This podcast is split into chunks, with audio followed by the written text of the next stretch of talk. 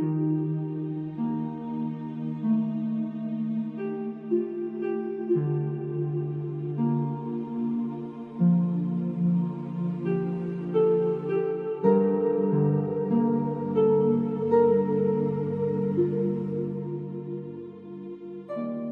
сонсогч таны энэ өдрийн амар амгалан айлтгая. Библийн хуудас радио цаурал хичээлийн маань нэгэн шинэхэн дугаар эхэлж байна. Тэгэхээр өнгөрсөн дугаарт бид Бурхан бол сайн Бурхан. Харин бид түүний сайн сайхныг амьдралаараа гэрчилж баяртайгаар тунхаглаж чадаж байна уу гэсэн нэгэн асуултыг эргцүүлэл болгон бид өөр өөрсөддөө тунгаан батсан байгаа шүү дээ. Тэгэхээр үнэхээр итгэгч болгон Бурханы итгэмжит байдлыг бүх үеийнхэнд тунхаглах учиртай. Ягаад тэгэхээр тэр өөрөө Давид хаанд Үнэн ба хайр инрэл минь түүнтэй хамт байж миний нэр дээр түүний ивэр өргөмжлөгднө гэж хэлснийг та санаж байгаах. Тэгвэл энэ өргөмжлөлт бурхан биднийг ч гэсэн өргөх боломжтой. Хамгийн гол нь бид баг зүйлд ч гэсэн итгэмжтэй байснараа бурханы хайр инэрлийг зүй зогсоор нь бүр бэлхмаар нь хүлээн авч чадна. Бид нэг л зүйлийг эндээс маш тодорхой зөвөр ойлгож авах хэрэгтэй. Тэгэхээр энэ бол бидний аврал Есүс Христийн үхэл ба Бурхны итгэмжит байдал дээр оршин тогтнодог тухай. Ягаад тэгэхээр Есүс Христэд итгэсэн хүн болгон аврагдах болно гэж бидний эзэн Бурхан амласан байгаа. Мэдээж Бурхан итгэмжит учраас амлалтаа та бидний амь амьдралд гарцаагүй биелүүлэх болно. Тэр гэрээгээс сагтаг амлалтаа биелүүлдэг Бурхан. Тиймээс та бид түүний итгэмжит байдалд нь ямар ч үед найдаж болно. Үнэн дээр энэ дэлхий дээрх бидний амьдрал сүлд аялан явсан Израильчуудын амьдралтай ихээхэн төстэй. Тиймээс Бурхны удирдах тэрл арга замаар алхах учиртай. Харин Бурханаас зөрж өөрийнхөө замаар, өөрийнхөө арга барилаар, өөрийнхөө тактикаар явх үед бид сүрэл рүүгээ алхам алхмаар ойртох болно гэдгийг санаарай. Бидний амьдрал төр зурах учраас энэ амьдралдаа бид илүү ухаалаг байж Есүс Христийг таньж мэдж түүний алдрын төлөө амьдрахыг чухалчлаарай.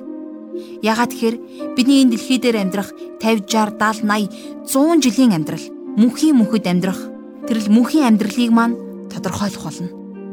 Тиймээс хамтдаа түүний хаанчлалыг тэлхийн төлөө өнөөдрийн амьдралаа өдөр хоногоодаа таныг өгдсөн та бидэнд өгөгдсөн энэ 24 цагийг ашиглая.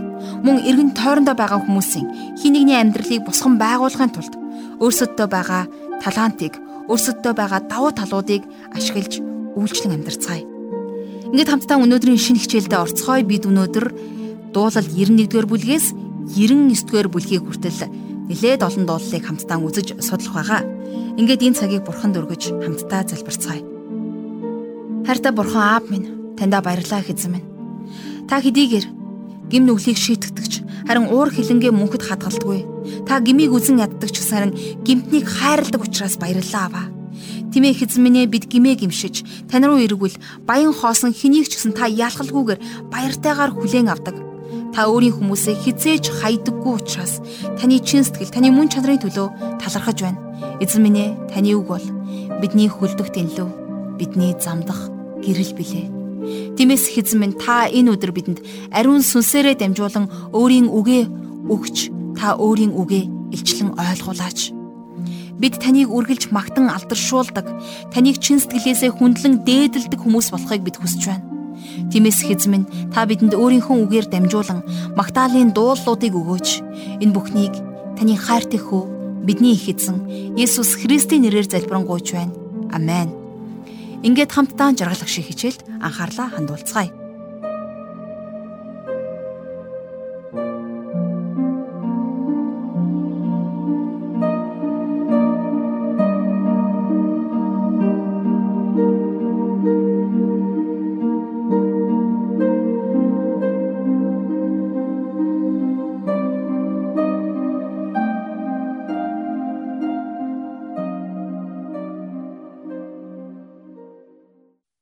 За дуул номын өнөөдрийнхөө судлалаар хэдүүлээ хамтдаа нилээд хідэн бүлгийг багцлан судалж үзье.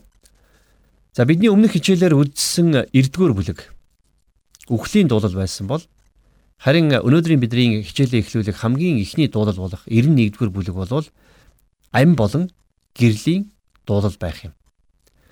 За энэхүү дуулал нь эзэн Есүс Христийг зураглан харуулсан дуулал.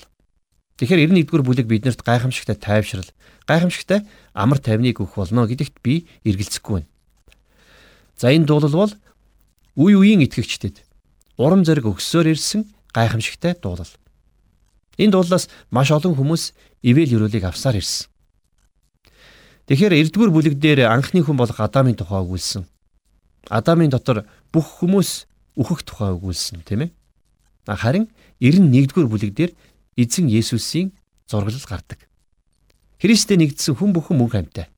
Тэгэхээр энэ бол яахын аргагүй амийн дуулал байх нь. За хамгийн сонирхолтой нь энэ дууллаас сатан хүртэл иш татсан байдаг. Тэгэхээр энэ бол сатаны маш сайн мэддэг дууллуудын нэг гэсэн үг. За хамтдаа 91-р дууллаа дэлгээд нэгээс 2 дугаар ишлэгийг одоо уншийе. Хамгийн дээд нэгний халахвчшинд оршигч нэгэн. Төгс хүчит нэгний сүүдэр дор амьдрна. Би эзэнд миний хорогдох газар бат цайз минь Миний итгэдэг бурхан минь гинэ. Үнэхээр гайхамшигтай гоё зураглал байна. Бурханд итгэн найдаж, бурханд хорогддог нэгэн бол бурхны өмг төшиг, өмгөөлөл, хамгаалал, бурхны сүүдэр дор амьдрдгаа гэсэн үг. Миний хорогдох газар бат цайз минь миний итгэдэг бурхан минь ээ гэж энд хэлсэн байна. Нөгөөтэйгэр хамгийн дээд нэгний халахвчанд оршигч нэгэн гэж эзэн Есүс Христийн зураглал гэж ойлгож болно. Тэр цаг үргэлж хамгийн дээд нэгний оршихуд байдаг. Харин та бидний хувьд Бурхны оршихуд дандаа байж чаддгүй шүү дээ. Тэр утгаараа энд төгс нэгэн болох Есүс Христийн дүр зураг гарч байна гэж бид ойлгож болно. За үргэлжлүүлээд 3-аас 5 дугаар ишлэгийг одоо уншийе. Учир нь чамайг анчны орхинаас бас хорлолын тахлаас авардаг нэг нь тэр юм. Тэр чамайг өдөөрө хучих бөгөөд түүний жигүүр дор чи хорогдох болно. Түүний итгэмж нь бамбай хийгээд бэхлэлт юм. Чи шүнийн аимшигаас ч өдөр эсгэрэх сумнаас ч ис айна гэсэн байна. Дайн толдооны үед олон итгэгчид цэрэгт явхдаа яг л энэ ишлэлээр өөрсдийг нь зоригжуулж тайвшруулдаг байсан. Үнэхээр бурхан биднийг хамгаалдаг учраас биднэрт айж имэх зүйл гэж байхгүй. 6 дугаар ишлэл. Мөн харанхуйд явагч тахлаас ч үд дунд цөлжүүлэх мөхлөөс ч үл айн. За энэ ишлэл ч гэсэн бац айц төгшүүрийн цагт итгэж та бидний зуурх учиртай ишлэл юм. Бурхан биднийг хамгаалах учраас бид тахлаас ч мөхлөөс ч айх шаардлагагүй. 7-оос 8. Мянган хүн чиний дэргэд төмөн хүн баруун гар талд чинь унавч энэ нь чамд ис тусна. Чи зөвхөн нүдэрээ хараад л буруутад өгөх хариуг үзэх болно гэсэн байна. За энэ ишлэлээр хүмүүс ч өөрийгөө бас их зоригжуулдаг. Бурхан энэ ишлэл үнэн болохыг олон удаа өөрийнхөө хүмүүс батлан харуулж байсан. За гэхдээ нөгөө талаас нь бол энэ ишлэл Есүс Христийн тухай иш үзүүлэг юм. Есүс Христ энэ дэлхий дээр амьдарч байхдаа огт гим нүгэлгүй нэгэн байсан. Түүний эргэн тойронд хүмүүс мянга мянгаараа гмийн уруу татлаханд унаж байсан ч гэсэн тэр унаагүй. Есүст гимнүглийн шийтгэл, буруутгал, өвчин зовлон байгаагүй. Тэр бол бүх талаараа төгс хүн байсан. Тэр бурханд бат итгэж бурхан эцэгтэй төгс дуулууртайгаар амьдарч байсан учраас сатанч Есүсийг бүдрүүлж чадаагүй юм.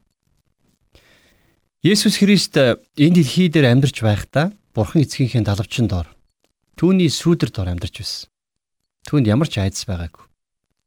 Бусдыг бүдрүүлж байсан тэр зүйлст тэр хизээч бүдэрч байгаагүй.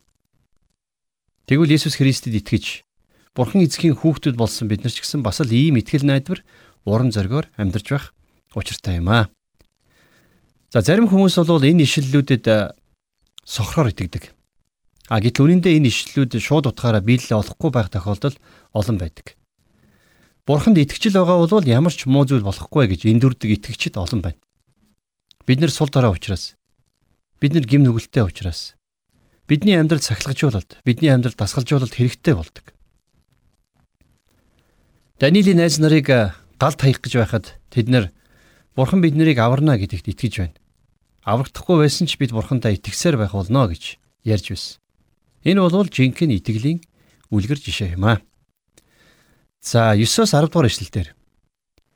Учир нь чи хорогдох газар минь болох эзнийг хамгийн дээд нэгнийг орших газраа болгосон юм. Ямар ч хор хөнөөл чамд ис учрна. ямар ч гамшиг майханд чинь үл ойртноо. За энэ бол шууд утгаараа Есүс Христийн дүр зураг байгаамаа. За цааш нь 11-ээс 12 дугаар ишлэлдэр учир нь бүх замд чамайг хамгаалахын тулд тэр Тэнгэрлэгч нартаа чиний талаар тушаана. Чамайг хөлөө чулуун цогцохвэ гэсэндэ тэд чамайг гар дээрээ өргөөд явна гэж бичсэн байна. За сонирхолтой нь саяын дуул бол Есүс Христийн тухай дуулал гэдгийг бол муу ерийн сүнс буюу сатан мэдэж байсан. За тийм учраас Есүсийг сорж уруу татах гэж оролдох үедээ сатан яг энэ ишлэлээс иш татсан байдаг шүү дээ. Тэгэхээр энэ ишлэл болон энэ дуулал эзэн Есүсийн тухай дуулал гэдгийг сатанч давхар батлан хэлж байна гэсэн үг ээ. За Лукийн 4-р бүлгийн 10-р ишлэлээс харах юм бол энэхүү үйл явдлын тухай ингэж бичсэн байгаа. Тэрээр Тэнгэр элч нартай чамайг хамгаалах талаар тушаана гэж сатан хэлсэн. Тэгэхээр 91-р бүлгийн 11-р ишлэлдэр учир нь бүх замд чамайг хамгаалахын тулд гэсэн үг нь Бурхны бүх замд чамайг хамгаалахын тулд гэсэн утгатай. Өөрөөр хэлбэл Бурхны хүслийн дагуу яваа цагт Бурхан Тэнгэр элч нараараа хамгаалan сахина гэсэн санаа байгаа юм. Харин сатан бол бүх замд буюу Бурхны бүх замд гэсэн үгийг зориуд орхиж Ямар ч үед чамайг хамгаална гэсэн шүү дээ гэж мушгиж ярьсан байна. Ер нь сатан хизээч бурхны үгийг жинхэнэ утгаар нь хэрэгэлдэггүй юм. Тэр үргэлж мушгин гуйлах гэж хэрэгэлдэг. Хэрвээ Иесус Христ бурхны хүслээс гадуур үйлдэлийг хийх юм бол тэр нь алдаа болох байлаа. Сатан яг энийг л анаж байсан. Хэрвээ Иесус чулууг талах болгосон бол за дээрэс нь энэ дэлхийн хаанчлалыг сатанаас хүлээж авсан бол За тэгээд эцэст нь эсвэл сүмийн орой дээрээс үсэрсэн бол Есүс Бурхны хүслээс гадуурх үйлдэлийг хийх байсан.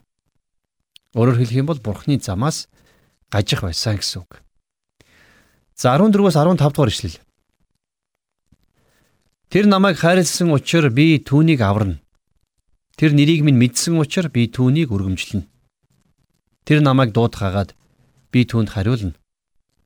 Зовлон шаналнд би түүнтэй хамт байна би түүнийг чөлөөлж хүндлэлд аваач болно. За энэ хоёр ишлэл дээр учирна гэсэн үг хоёр удаа гарч байгаа биз?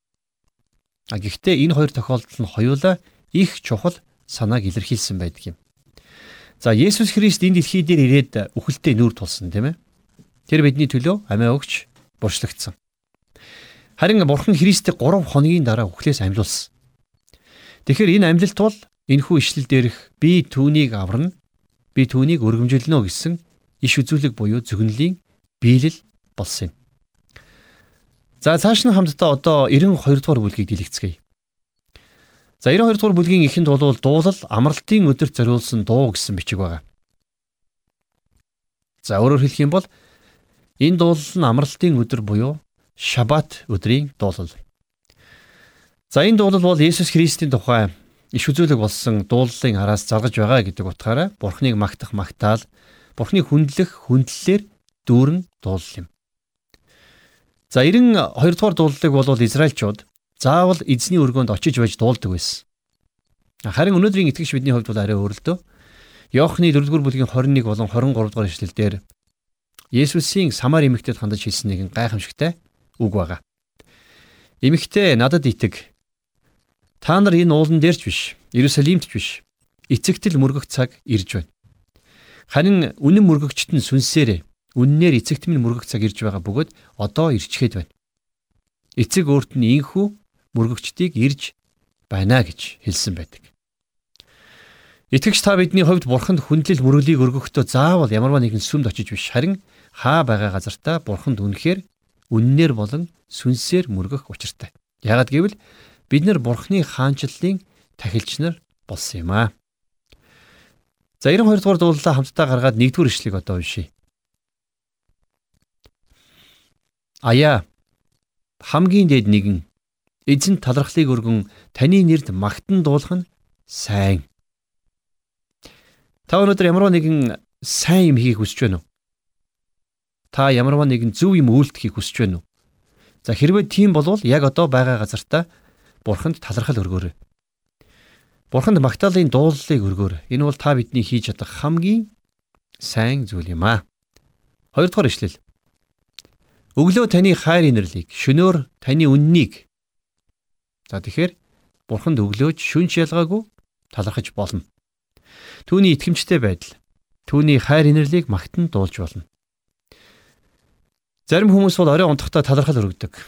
За би заримдаа оройдоо бурхандаа за би заримдаа оройдоо бурхан талархахаа мартдагч өглөө бүр шинэ өдрийг өгснийхэн төлөө бурханд заавал талархдаг. Та шинэ өглөө болгон бурханд талархаарай. Та орой болгон тэр өдрийн турш тантай хамт байсныхын төлөө бурханд талархаарай. Бидний бурхан бол бүх магтаал талархлыг авах нь зохистой тийм бурхан юм шүү. За 6 дугаар ишлэлээс өргөжлүүлэн харцгаая. Бодлогогүй хүн үүнийг мэдэхгүй, тэнэг хүн түүнийг ухаарахгүй гэсэн байна. За өөрөөр хэлэх юм бол бидний бурхны хайр инрэл түүний итгэмжит байдлыг мэддэггүй ухаардгүй хүмүүс зөндөө байгаа.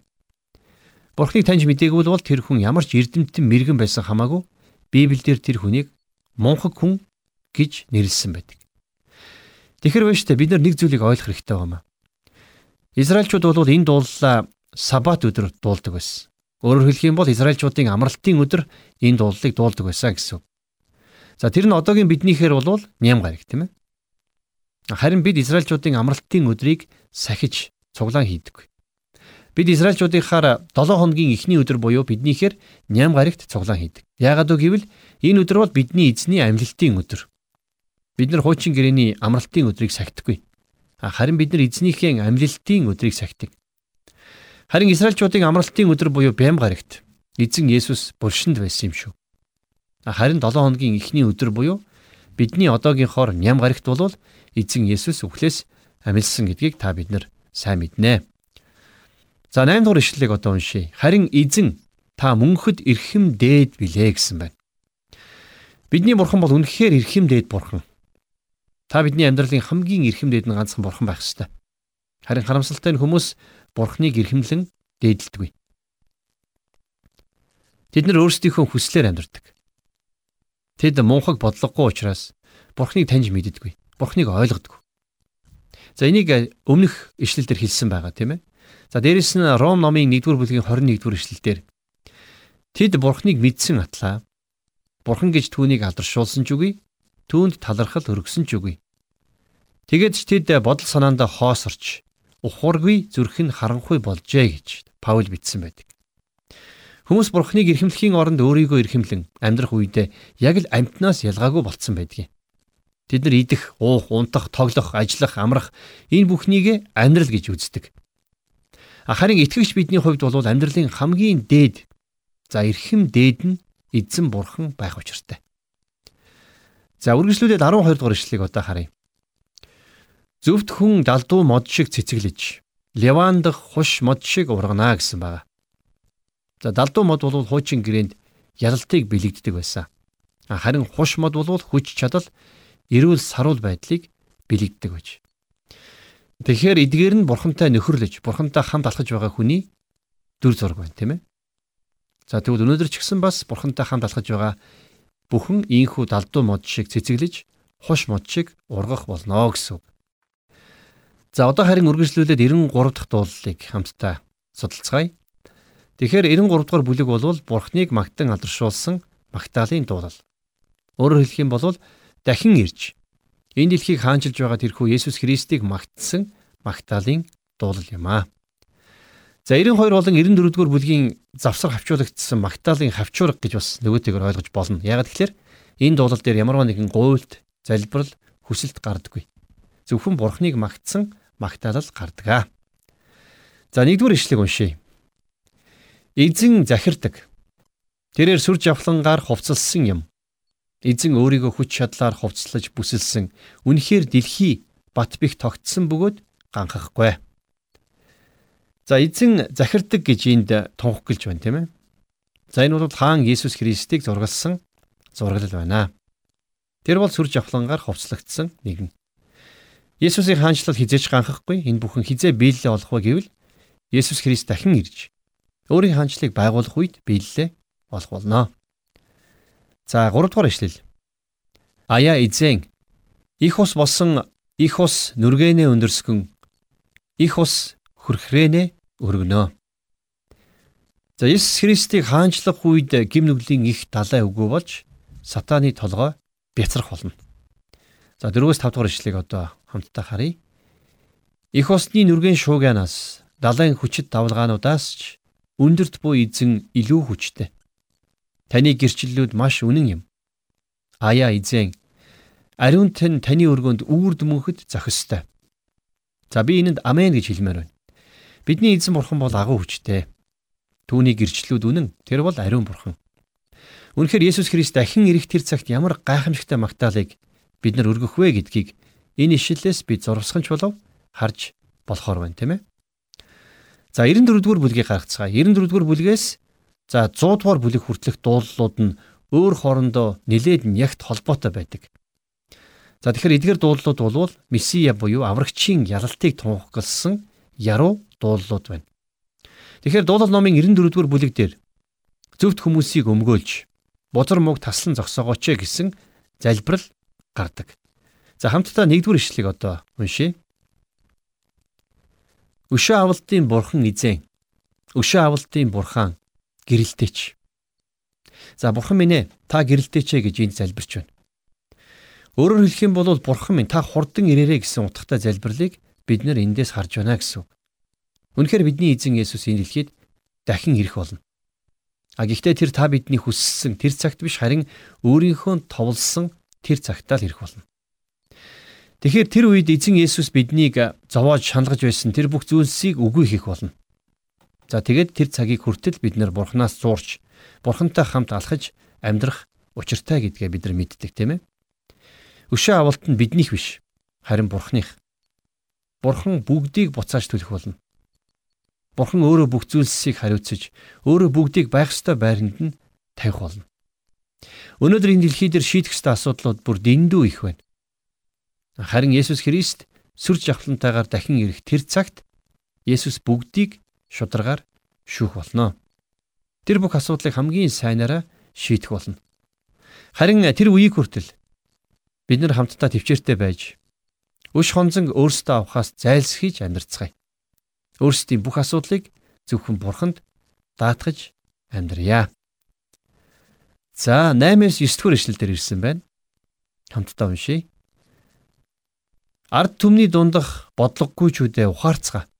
Тэнгүүдээ та нар хизээ ойлгох юм бэ? Чихийг бүтээсэн тэрээр сонсохгүй гэж юу? Нүдийг бүтээсэн тэрээр харахгүй гэж юу? За энд бол бурхан дахин нэг удаа бодлогогүй мунхаг хүмүүст хандан ярьж байна тийм ээ. Тэгэхээр бурхан бол сүнс. Түүнд биднийх шиг чих байхгүй. Гэхдээ тэр сонсдог. Түүнд та биднийх шиг нүд байхгүй. Гэхдээ тэр хардаг. Энэ дэлхий дээр гим нүгэл үлдэж, бозор муу бүхнийг хийж амьдарч байгаа хүмүүс өөрсдийг нь хинч харахгүй, хинч шийтгэхгүй байхаа гэж боддог. Харин тийм биш ээ. Бурхан тэднийг харж байгаа шүү. Бурхан хардаг. Бурхан сонсдог. Бурхан тэр бүхнийг тогтоодог. Тэгээ цаг нь болоход Бурхан тэр бүх гим нүглийнхэн дагуу хүмүүсийг шудраг шийтгэлээр шүүх болно. Бидний гим нүгэл нэг бол Есүс Христийн дээр буун эсвэл бидний өөрсдийн дээр буун гэсэн үг. Өөр зам гэж байхгүй. Тэгэхээр хэрвээ таны гим нүгэл Есүс Христийн дээр буусан бол танд шийтгэл байхгүй. Харин тэр гим нүгэл таны өөрийн чин дээр байгаа бол хожим нь та шийтгэл авах нь гарцаагүй. Харин Есүс Христэд итгэж гим нүглээ Христэд үрүүлсэн хүмүүсийн хувьд гэх юм бол гайхамшигтай мөнхийн ирээдүй тэднийг хүлээж байгаа. Сонсогч та Есүс Христэд итгэж зөвхөн түүнд гим нүглээ үрүүлээрэй. Эсвэл та гарцаагүй Бурхны шүүлтийн өмнө нэгэн өдөр зогсох ёстой болно шүү. 18 дугаар эшлэл.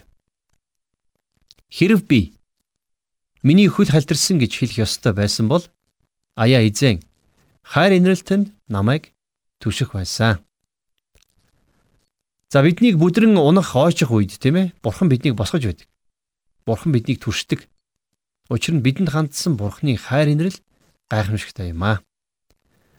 За 23 дугаар ишлэлийг одоо хамтдаа харъя. Тэр тэдний цөв мууг өөрсөд дээр нь авчирсан бөгөөд тэднийг хорон муугийнхэн дотор устгана. Бурхан эзэн маань тэднийг устгана. За ингээд 94-р бүлгийн төгсгөл дээр бол бурхан өөрийнх нь залбирлыг сонсож хормог устгах болно гэсэн бат итгэлтэй тунхаглаар төгсөж байна. Та бид нар ч гэсэн бас бурханы өмнө яг ийм бат итгэлтэйгээр амьдрах учиртай. За энэ хичээлийн төгсгөлд харин хамтдаа дуулал номынхон 95-аас 99-р бүлгүүдийг багцлаад товчхон үзье. За 95 дугаар бүлэг бол Магдалины баяр хөөртэй дуулал. За хамтдаа 95 дугаар бүлгийн 1-ээс 3 дугаар ишлэгийг одоо уншийе.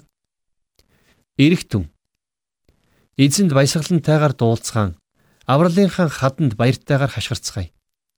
Түүний өмнө талархалтайгаар ирж түүнд дууллуудаар баяртайгаар хашгирцгаая. Эзэн авгаа бурхан бөгөөд бүх бурхтын дээд агуу хаан юм а гэсэн баг. За энд бурхныг баяр хөөртэйгээр магтан дуулахыг уриалсан байна, тийм ээ. Та бид нар бурхны өмнө бурхныг магтахдаа баяр хөөрөөр дүүрэн байх ёстой. За тэгэхээр энэ ишлэл дээр бол бурхныг эзэн авгаа бурхан бөгөөд бүх бурхтын дээд авгаа хаан юм гэж магтсан байна. Дараа нь дуулал номыг бичигч маань бурхныг бүтээгч бурхан гэж магтсан байгаа. Хамтдаа 4-өөс 6 дугаар ишлэгийг одоо харъя. Дэлхийн гүн газрууд түүний гарт байдаг бөгөөд улсын оройнууд ч бас түүнийх, далайч түүнийх. Учир нь тэрээр түүнийг бүтээсэн нэгэн бөгөөд түүний мотор хуурай газрыг шилбэржүүлсэн. Ирэх түн биднийг бүтээгч эзний өмнө мөргөн сөгдөж сөхөрцгөөе гэсэн байгаа. Бидний бурхан бол бүтээгч бурхан тийм ээ. Уул толгод, далай тэнгис их газар бүхлээрээ бурхны гарын бүтээлүүд. Бидний магтдаг бурхан бол агуу бүтээгч бурхан гэдгийг сонсогчдаа хизээч битгий мартаарай. За харин 96 дугаар бүлэг дээр бол Иесус Христийн хаанчлалыг магтан дуулсан Магдалины дуулал гардаг юм аа. За 96 дугаар бүлгийн 1-р ишлэгийг одоо хамтдаа харъя. Эзэнд шин дууг дуулцгаа бүх газар дэлхий эзэнд дуулах төөн гэсэн байна. За тэгэхээр энд гарч байгаа шин дуу гэдэг бол аврагдагсдын дуулах авралын дуу гэж та бид нар өмнө нь үзэж байсан тийм ээ. Аврагдсан бүх хүмүүс энэхүү шин дууг дуулах болно гэдгийг илчлэл номон дээр өгүүлсэн байдаг. За дараагийн ишлэл дээрс харах юм бол худал хуурмаг шүтээний талаар өгүүлсэн байна. За 4-өөс 5 дугаар ишлэгийг одоо харъя. Учир нь эзэн авгаа бөгөөд агуу ихээр магтагдах нэгэн мөн бүх бурхтаас дээгүр түүнээс имэгтэн. Учир нь хүмүүсийн бүх бурхт нь шүтэнүүд юм. Харин эзэн Тэнгэрсийг бүтээсэн билээ. Өнөөдөр хүмүүс өөрсдөө янз бүрийн шашин шүтлэг, янз бүрийн шүтэн рүү хандаж байгаагаа их ухаалаг эсвэл их сүсгтэй үйлдэл гэж эндүрдэг. Харин тэр бүхний зүгээр л нэг хүний гараар бүтээсэн шүтэнүүд шүүд. Гэтэл бидний итгэдэг бурхан бол Тэнгэрийг бүтээсэн бурхан. Есүс Христ энэ дэлхий дээр дахин ирж бүх худал хуур мөшөтөнүүдийг устгах болно. За мөн бурхан байхгүй гэж тунхагладаг бурхангүй үзлийг ч гэсэн бас үгүй хийх болно. За 7 дугаар ишлэл. Ард түмнүүдийн ургуудаа эзэнд өргөхтөн. Эзэнд яруу алдар хүч чадлыг өргөхтөн. Эзэн Есүс Христ энэ дэлхий дээр дахин ирж худал хуурмаг шүтэнүүдийг болон сатаныг няц дарах үед бид нар бүгдээрээ энэ ишлэлд бичигдсэнчлэн баяр хөөртэйгээр дуулалыг өргөх болно. За тэгэхээр эндээс харах юм бол энэ бол яахын аргагүй ирээдүйд болох иш үзүүлгийн дуулал байх нэ. За 97 дугаар дуулал. За 97 дугаар дуулал бүтцийн хувьд бол 96 дугаар бүлэгтээ төстэй. За яагаад гэвэл 97 дугаар бүлэг дээр Есүсийн сүр жавхлантай хаанчлалын талаар өгүүлсэн байна. За нэгдүгээр ишлэгийг одоо үзье. Эзэн захирдаг. Газар дэлхий баясах тун. Олон арлууд ч баярлах тун. За тэгэхээр энэ гарч байгаа Бурхны хаанчлал бол хожим ирэх. Есүс Христийн хаанчлалын дүр зураг байна, тийм ээ. Есүс Христийг хаанчлахад газар дэлхий бүхэлдээ баяр хөөрт автах болно. За 7 дугаар ишлэлээс үргэлжлүүлэн харъя. Сийлмэл хөргүүдэд үйлчилдэг. Шүтэнүүдээр бардамдаг бүх хүн ичих болтугай бүх бурхта түүнд мөргөгтөн. За энд гарч байгаа бурхад гэсэн үгийг Тэнгэр элч гэж орчуулсан илүү оновчтой байхаа гэж би хувьдаа бодож байна. Ягаад тэгэхээр Шинэ гэрээний Еврей номын 1-р бүлгийн 6 дугаар ишлэлдэр энэ ишлэлийг иш татахта. Анх төрсөн түүнийг дэлхийд тэр дахин авчрахта Бурхны бүх Тэнгэр элч түүнд мөргөгтөн гэж айлджээ гэж бичсэн байдаг. За дуулалын 98 дугаар бүлэг дээр бас л Бурхныг шин дугаар магтах Магдалины тухай өгүүлсэн байна. Хамтдаа 98 дугаар бүлгийн 1-р ишлэгийг одоо харъя. Эзэнд шин дууг дуулах тун. Учир нь тэрээр гайхамшигтай зүйлсийг үйлдэлсэн. Түүний баруун гар ба түүний ариун мотор түүнд авралыг гүйцэтгсэн. За тэгэхээр бурхан энэ дэлхийд авралыг авчирч тийм ээ. Тэгээ та бидний амьдрал гайхамшигтай зүйлсийг бүтээсэн учраас бид нар бурхныг үргэлж магтан дуулах учиртай юм. За хожим нь Есүс Христийг дахин ирэх үед болвол энд бичигдсэнчлэн шин дуугаар хүмүүс бурхныг магтан алдаршуулах болно. За энэ бол түүх үнэн гэдэг шиг лавтая болох зүйл юм аа. За харин одоо 99 дэх бүлгээс за энэ бүлгээс хамгийн чухал тооцогдох нэгдүгээр ишлэлийг одоо хамтдаа харъя. Эзэн захирдаг. Ард түмэн чичрэгтэн. Тэрээр хэрүүбүүдийн дээр залрна. Газар дэлхий ганхах тун гэсэн байгаа. За энэ бол агуу хүчрхэг бурхныг магтан дуулсан өөр нэгэн их гайхамшигтай дуул байгаамаа. Тэгэхээр та бурхныг хэр их магтдаг вэ? Та өөртөө бурхныг магтан дуулах тийм сайн зуршлыг бий болгоорой. Та бид нар мөнхийн улсад очиод бурхныг мөнхөд магтах болно шүү дээ. Бурхан биднийг бузар муугийн хүлээснээс чөлөөлж биднийг аварсан. Тэгээд бид Бурхныг магтан дуулахаас өөр арга, өөр сайхан зүйл гэж бидний амьдралд байхгүй. Бид нэр мөнхийн улсад очиод магтана гэлгүүгээр биш харин энэ дэлхийд амьдарч байгаа энэ л өдрүүдэд Бурхныг магтан дуулж амьдарцгаая. Бид нар яагаад Бурхныг магтах ёстойг та мэдэх үү? Яагаад гэвэл тэр гайхамшигтай. Тэр итгэмжтэй. Түүний хайр инрэл мөнхийх Тэр бидэнд үргэлж сайнаар ханддаг. Ийм л гайхамшигтай бурхныг бид магтан дуулахаар энэ дэлхийд бүтээгдсэн юм шүү дээ.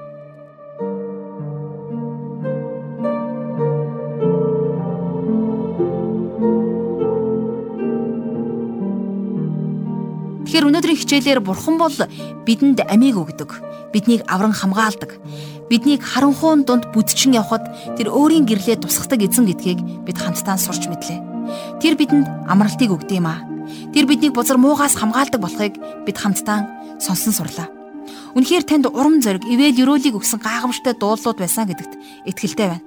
Тэр итгэгч хүн болгон Бурхан эзнээ үрд мөнхөд баярлан магтах учиртай гэдгийг би улам илүүгээр ойлгож ухаарч байна. Харин бидний түүнд өргөх магтаал талархал чин үнэнч сүнсээр үннээр байгаасаа гэж Бурхан хүсдэг. Хэрвээ та түүний хүслийн дагуу байдаггүй бол түүний оршихуйд байж чадахгүй. Түүнийг бид уран дуудахгүй бол эзний оршихуй, эзний онцгой илчлэгдмэл оршихуй бидэнтэй хамт байх боломжгүй. Бурханд итгэж найдаж түүний дотор хорогддог нэгэн бурхны өмг дүшиг өмгөөлөл хамгаалал түүний сүүдэр дор амьдрдгийг жаргал агш маань хэлсэн шүү дээ. Тэгэхээр бидний эзэн Есүс Христ маш даруугаар энэ дэлхийд хүн дүрхтэйгээр ирсэн гэдгийг санах хэрэгтэй. Тэр энд амьдарч байхдаа огт гим нэгэлгүй ариун байсныг бид олон удаагийн хичээлээс сонссон байгаа. Заримдаа өөрийгөө би хэрвээ түүний оронд байсан бол яах байсан болоо гэж боддог. Игэл жирийн хүнтэй зүүрлэхийн эцэсгүй төгс дээд эзэнний оронд өөрийгөө тавина гэж байх боломжгүй ч гэсэн түүнд ирж байсан сорилтуудыг бодохоор бүр өөрийн ирэхгүй энэ тухай бодоход хүрэгдэв. Тэгэхээр үндэ түүний эргэн тойронд өнөө цагт байсан тэр бүх гим нүглүүд ч гэсэн байсан юм а. Гэсэн ч тэр бусдад адилхан унаагүй бид олон жишээнээс хардаг. Гэтэл түүний гим нүглийн шийтгэл буруутгал өвчин зовлон байгаагүйгээрээ хүмүүс биднээс ялгагдж байсныг та сайдар ойлгож авсан байх. Тийм ээ бидний эзэн Есүс Христ бол бүх талаараа төгс нэгэн гэдгийг хүн төрлөختөн хүлээн зөвшөөрөх ёстой. Тэр бурханд итгэж эцэгтэй үнэн зүрхээрээ дуулууртай амьдарч байсан учраас ёрын муу сүнс хүртэл түүнийг бүдрүүлж чадаагүйг бид хардаг. Тэгэхээр сонсогч таныг би урамшуулъя. Бурхан хэдийнэ та бидний гим нүглийг уучилж хүлээн авсан юм шүү. Тиймээс та бузар муу сүнснээс айх хэрэггүй. Хэрвээ айдас байдаг бол түүнийг яг одоо бурханд өргөөрэй. Тэгээд түүний хайрыг гуйн залбираарай. Учир нь хайр дотор айдас байдгумаа. Тэр таны зүрх сэтгэлийг амар тайвнараа дүргэх болно. Тэгэхээр өнөөдөр энэ хүрээд дуулал номынхон 91-ээс 99 дэх бүлгүүдээр хамтдаа аялсан нэгэн библийн хуудасаар хичээлээ энэ хүрээд өндөрлөе харин сурч мэдсэн болгоныхоо төлөө бурхандаа талархах цаг гаргацгаая. Нэгүсэл хайр ивэлэр дүүрэн бурхан аав минь таньда талархаж байна. Та үнэхээр магтагдан хүндлэгдэх болтугай. Учир нь магтаалыг авах мянган мянган шалтгаан танд бий. Эзэн минь ээ бид таныг зөвхөн сансан үедээ биш. Зовлон гоныг тохиолдсон тэр нөхцөл байдал дундаа биш. Бас бид таныг хэрэгцээтэй үедээ бэрч гаргадаг биш. Харин өдөр шөн өглөө орой ялгалгүйгээр танд магтаал талархлыг өргөдөг. Бид танаас зууран амьдардаг. Бид тантай зөвлөлддөг, ярилцдаг, харилцдаг тийм итгэвчд байхыг хүсэж байна. Бүхнээс дөрөнд таны итгэмжит байдал, таны хайр инэрлийг магтан талархдаг тийм л зүрх сэтгэлтэй байлгаж өгөөч. Эзэн өдөр болгон сурж байгаа Библийн хуудасаар радио хичээлээр дамжуулан та бидний дотор шин сүнсийг, шин цэвэр зүрх сэтгэлийг та бидний дотор бүтээгээж. Аваа Тиймээ та бол цорын ганц амьд оршигч эзэн. Тиймээс танд бүх алдар магтаалын дээдийг өргөж байна. Эзэн бид энэ дэлхий дээр амьдарч ах хорон мөч бүрдээ таны хайр инэрлийг сананд орсож, таны хайр инэрлийг гэрчлэн тунхаглаж, таны хайр инэрлийг харуулсан ам амьдралаар амьдрахыг хүсэж байна. Эзэн бурхан минь бидний дорой бурай, бидний өчүүхэн сул дорой ам амьдралаар дамжуулан та өөртөө алдрыг авах тухай бүх зүйлийг танд өргөж бидний их эзэн Есүс Христийн нэрээр залбирanгуйж байна. Амен.